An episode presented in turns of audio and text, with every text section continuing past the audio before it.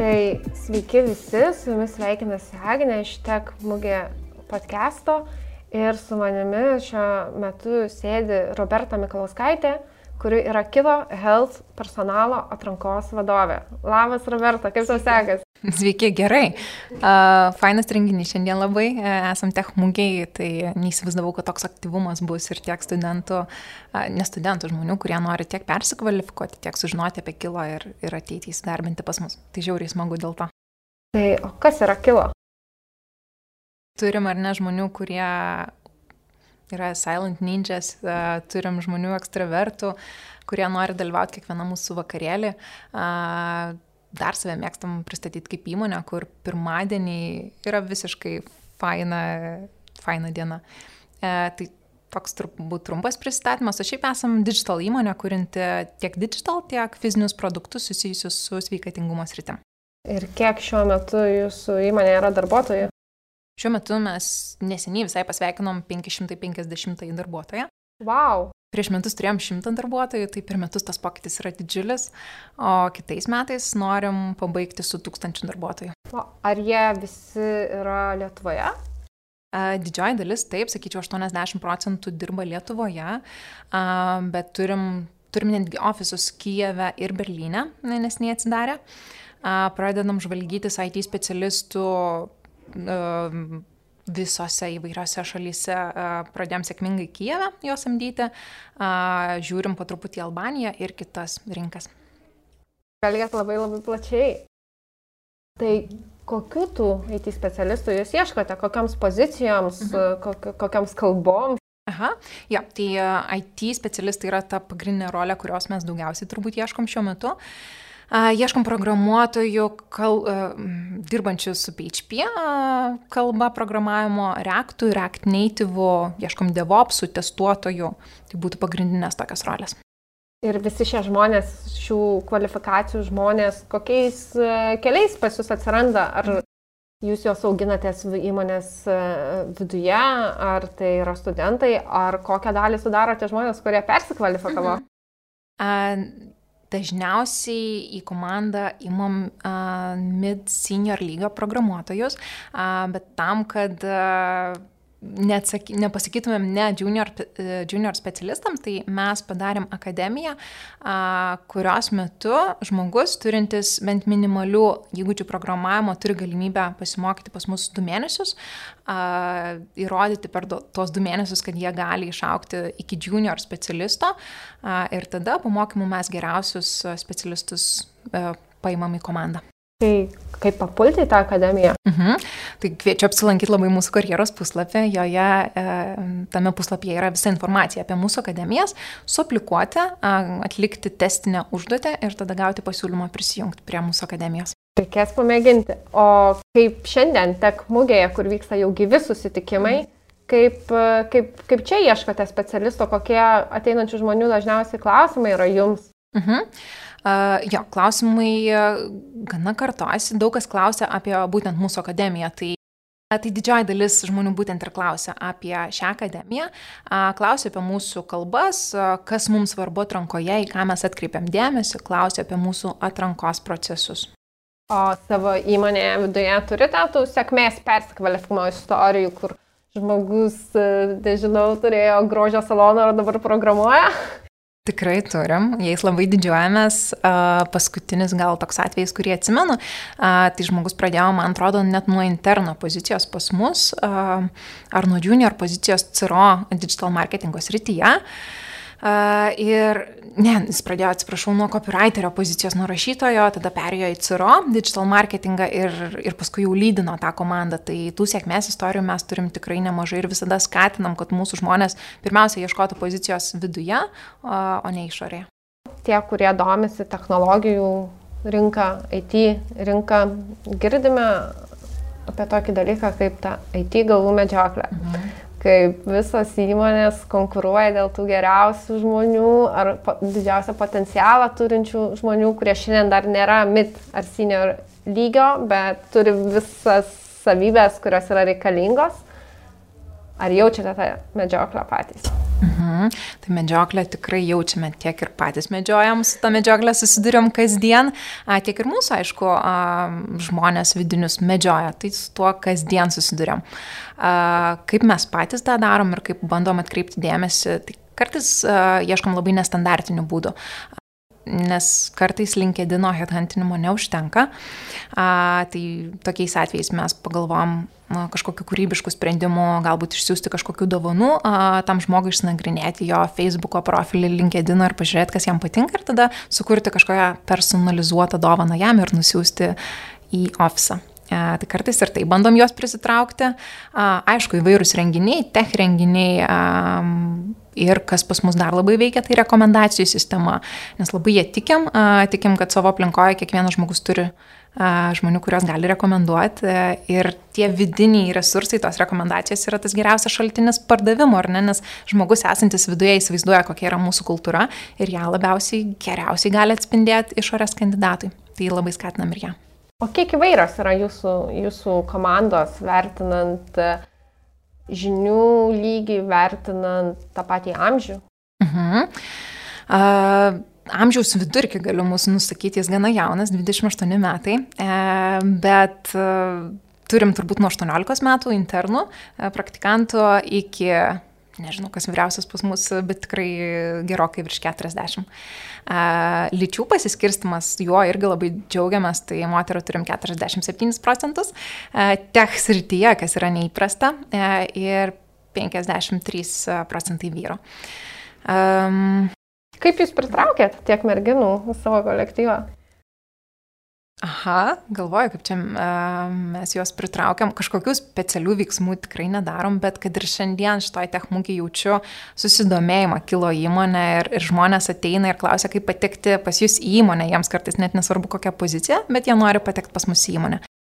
Tai suprantu ir šiandien dalyvių, kad žmonės būtent iš savo draugų, pažįstamų girdė apie kilą ir nori, ir nori čia dirbti nori prisijungti. Palėdėm į įdomią temą apie moteris IT srityje, moteris technologijų srityje. Tu pati esi moteris technologijų startuolyje, taip? Kilo Health turbūt, turbūt reikėtų pavadinti. Kaip, kaip tu ten atsiradai? Mhm. Mano istorija tai uh, prasidėjo čia prieš 2,5 metų. Uh, buvau pats pirmas HR-as uh, įmonėje, atėjau, kai čia buvo 30 darbuotojų.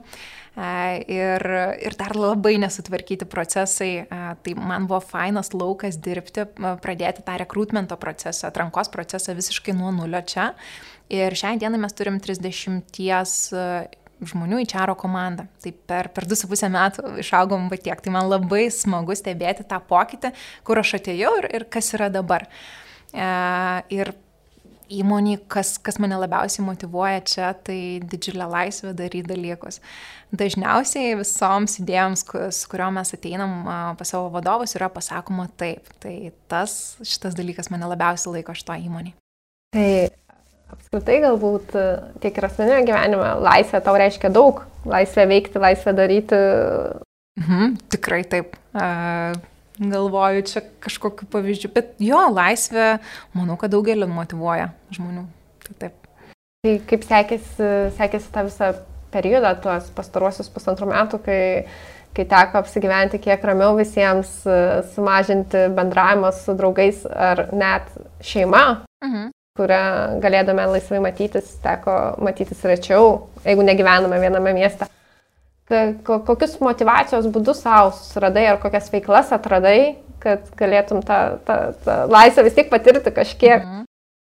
Jo, tikrai įdomus laikotarpis buvo. Kas man sunkiausia e, šiame laikotarpyje buvo, tai e, atskirti darbą laisvalaikį nuo, nuo namų.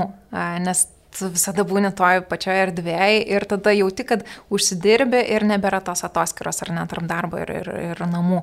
Tu visada atrodo dirbi. Tai man čia sunkiausia buvo susidėlioti savo kažkokią griežtesnę dienotvarkę, susigalvoti, ką aš noriu veikti po darbo, turėti veiklos, hobių ir tas man labai padėjo susitvarkyti, palikti darbą, kai, jis turi baigtis ir turėti kažkokią savo veiklos. Tai kokią hobį atradai? Mhm. Tai aktyviai sportuoju pakankamai e, su trenere, e, turim tris kartus per savaitę treniruotės. E, ir, ir per tas treniruotės žiauriai palisi galva, e, pasimeta visos problemos, pasimiršta. E, tai čia tokia geriausia man terapija. Ir nuo kito mėnesio planuoju pradėti savo visiškai naują veiklą, tai keramika.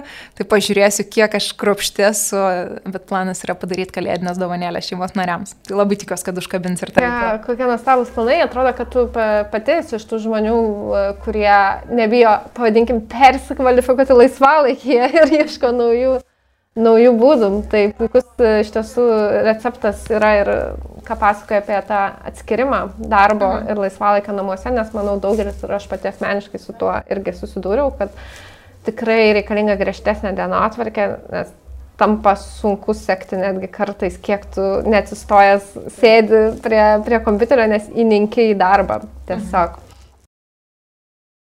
Toliau norėčiau kalbėti galbūt apie kitą, kitą aspektą. Visi čia susirinkę tek mugėje ieško naujų kolegų, naujų, naujų darbuotojų.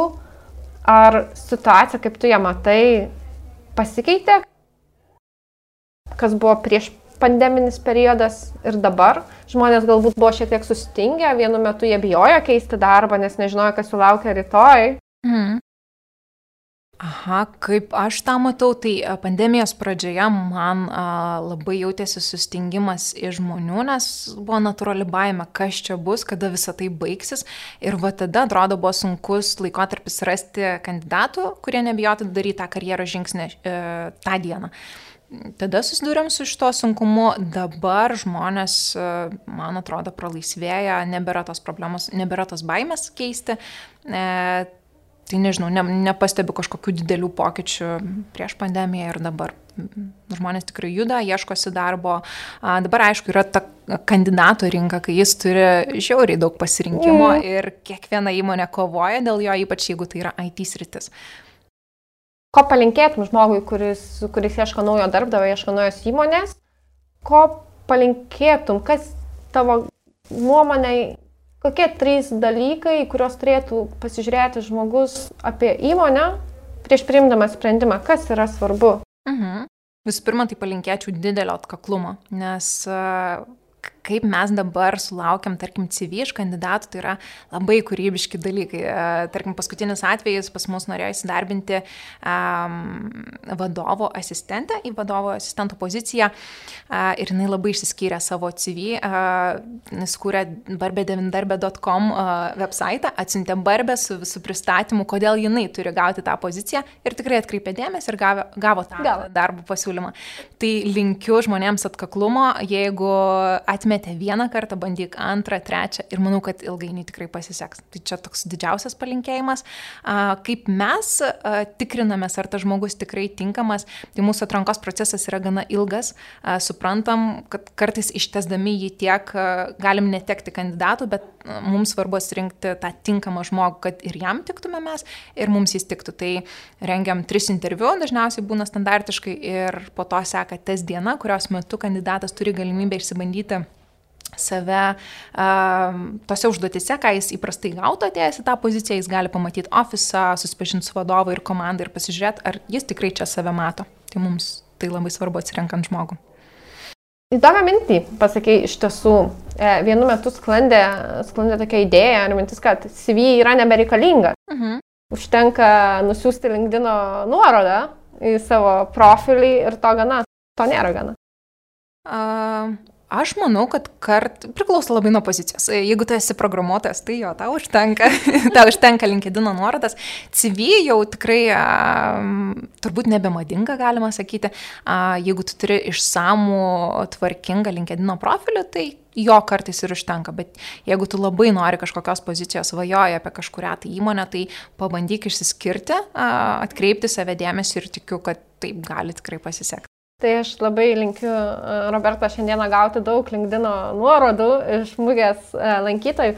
Ir jau tradicija tapęs klausimas keliauja tau paskutinis.